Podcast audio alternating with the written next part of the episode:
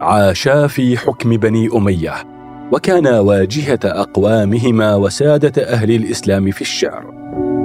امتدت حربهم الشعرية نصف قرن وانطفأت بموت أحدهما. من هما شاعرانا هذا اليوم؟ وما هي قصتهما؟ تعالوا لنعرف معا.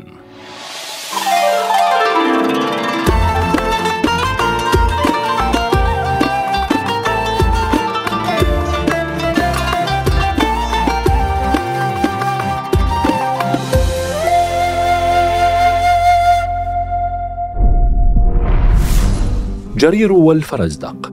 هما شاعران جليلان في شعرهما ونسبهما. عاشا في القرن الأول الهجري وعقدا من القرن الثاني للهجرة تحت حكم بني أمية.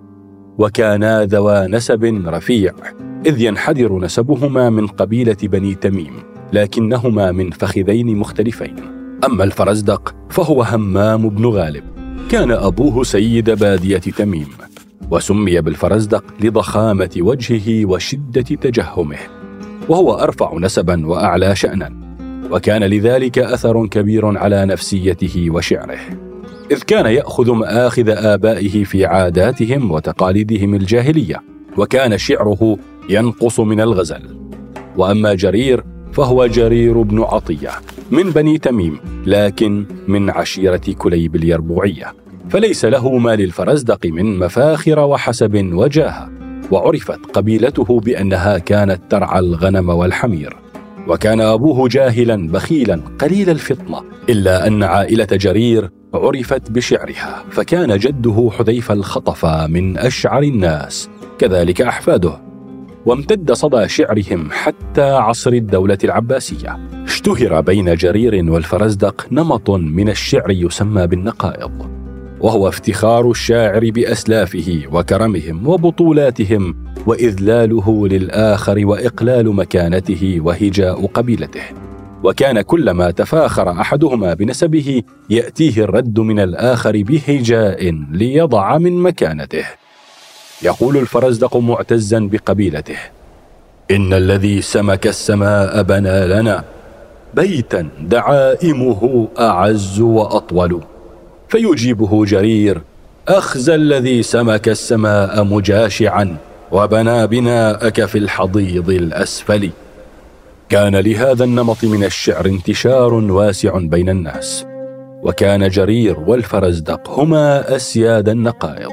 فقد أجمع الأدباء على أن أشعر أهل الإسلام الفرزدق جرير والأخطل. وذلك لأنهم أعطوا حظا في الشعر لم يعطه أحد في الإسلام. مدحوا قوما فرفعوهم وذموا قوما فوضعوهم وهجاهم قوم فردوا عليهم فأفحموهم وهجاهم آخرون فرغبوا بأنفسهم عن جوابهم فأسقطوهم.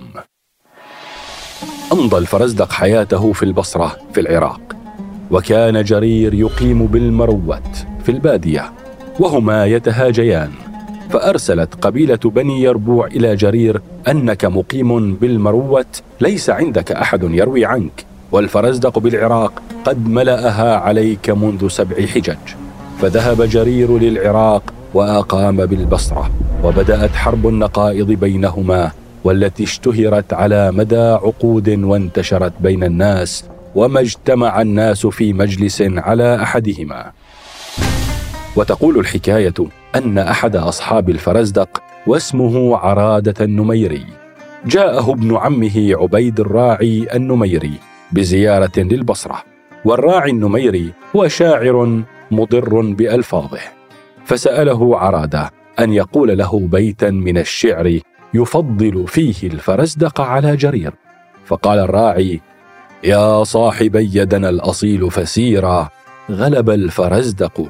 في الهجاء جريرا. بلغ القول جريرا فلاقى عبيدا وقال له إني وابن عمي هذا نستب صباح مساء وما عليك غلبة المغلوب ولا لك غلبة الغالب. وحصل بينهم شجار طويل فأبى جرير أن يسكت على النميري فكتب به قصيدة هجاء قيل أنه بعدما سمعها النميري لم يقل الشعر أبدا حتى مات. قال فيها جرير لقد خزي الفرزدق في معد فأمسى جهد نصرته اغتيابا فما هبت الفرزدق قد علمتم وما حق ابن بروع أن يهابا أتاني عن عرادة قول سوء فلا وأبي عرادة ما أصابا. أنا البازي المدل على نمير أتحت من السماء لها انصبابا. إذا علقت مخالبه بقرن أصاب القلب أو هتك الحجابا فلا صلى الإله على نمير ولا سقيت قبورهم السحابا فغض الطرف إنك من نمير فلا كعبا بلغت ولا كلابا قضى جرير والفرزدق أكثر من نصف قرن وهما يتبارزان في الشعر. فكان جرير يغرف شعره من بحر لسلاسة تراكيبه. والفرزدق ينحت شعره من صخر لقوة ألفاظه وهذا ما جعل شعر جرير أشهر بين الناس.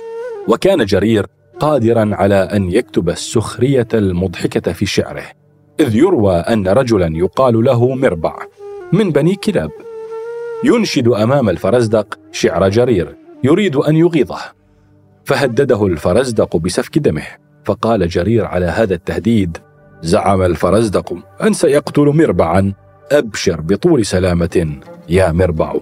وبعد رحلة طويلة مليئة بالهجاء والمديح والرثاء وانتشار اسمهما على لسان العرب أسلم الفرزدق روحه في البصرة وعمره ثمانون عاما ونيفا.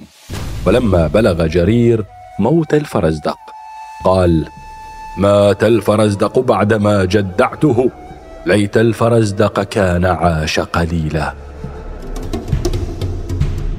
ثم سكت طويلا وبدأ يبكي قائلا. انه والله قلما كان اثنان مثلنا أو مصطحبان أو زوجان إلا كان أمد ما بينهما قريبا.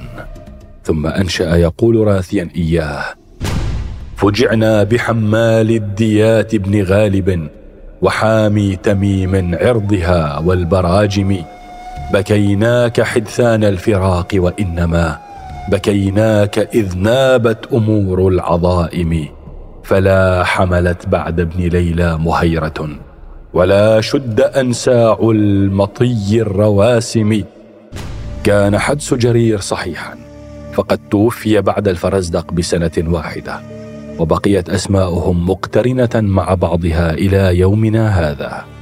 وكان قد كتب جرير واحدة من أجمل قصائده في رثاء الفرزدق. قال فيها لعمري لقد أشجى تميما وهدها. على نكبات الدهر موت الفرزدق. عشية راحوا للفراق بنعشه. إلى جدث في هوة الأرض معمق. لقد غادروا في اللحد من كان ينتمي إلى كل نجم في السماء محلق ثوى حامل الأثقال عن كل مغرم ودامغ شيطان الغشوم السملق. عماد تميم كلها ولسانها وناطقها البذاخ في كل منطق.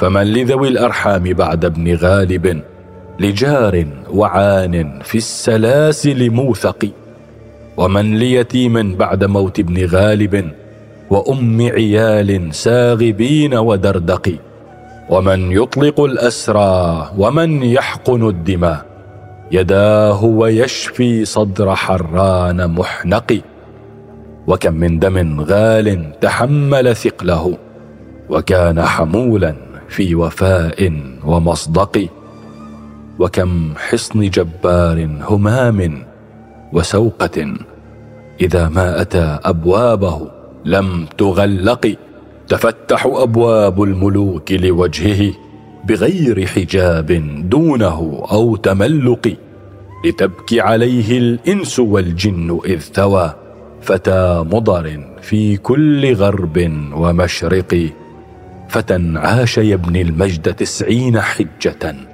وكان إلى الخيرات والمجد يرتقي فما مات حتى لم يخلف وراءه بحية واد صولة غير مصعق.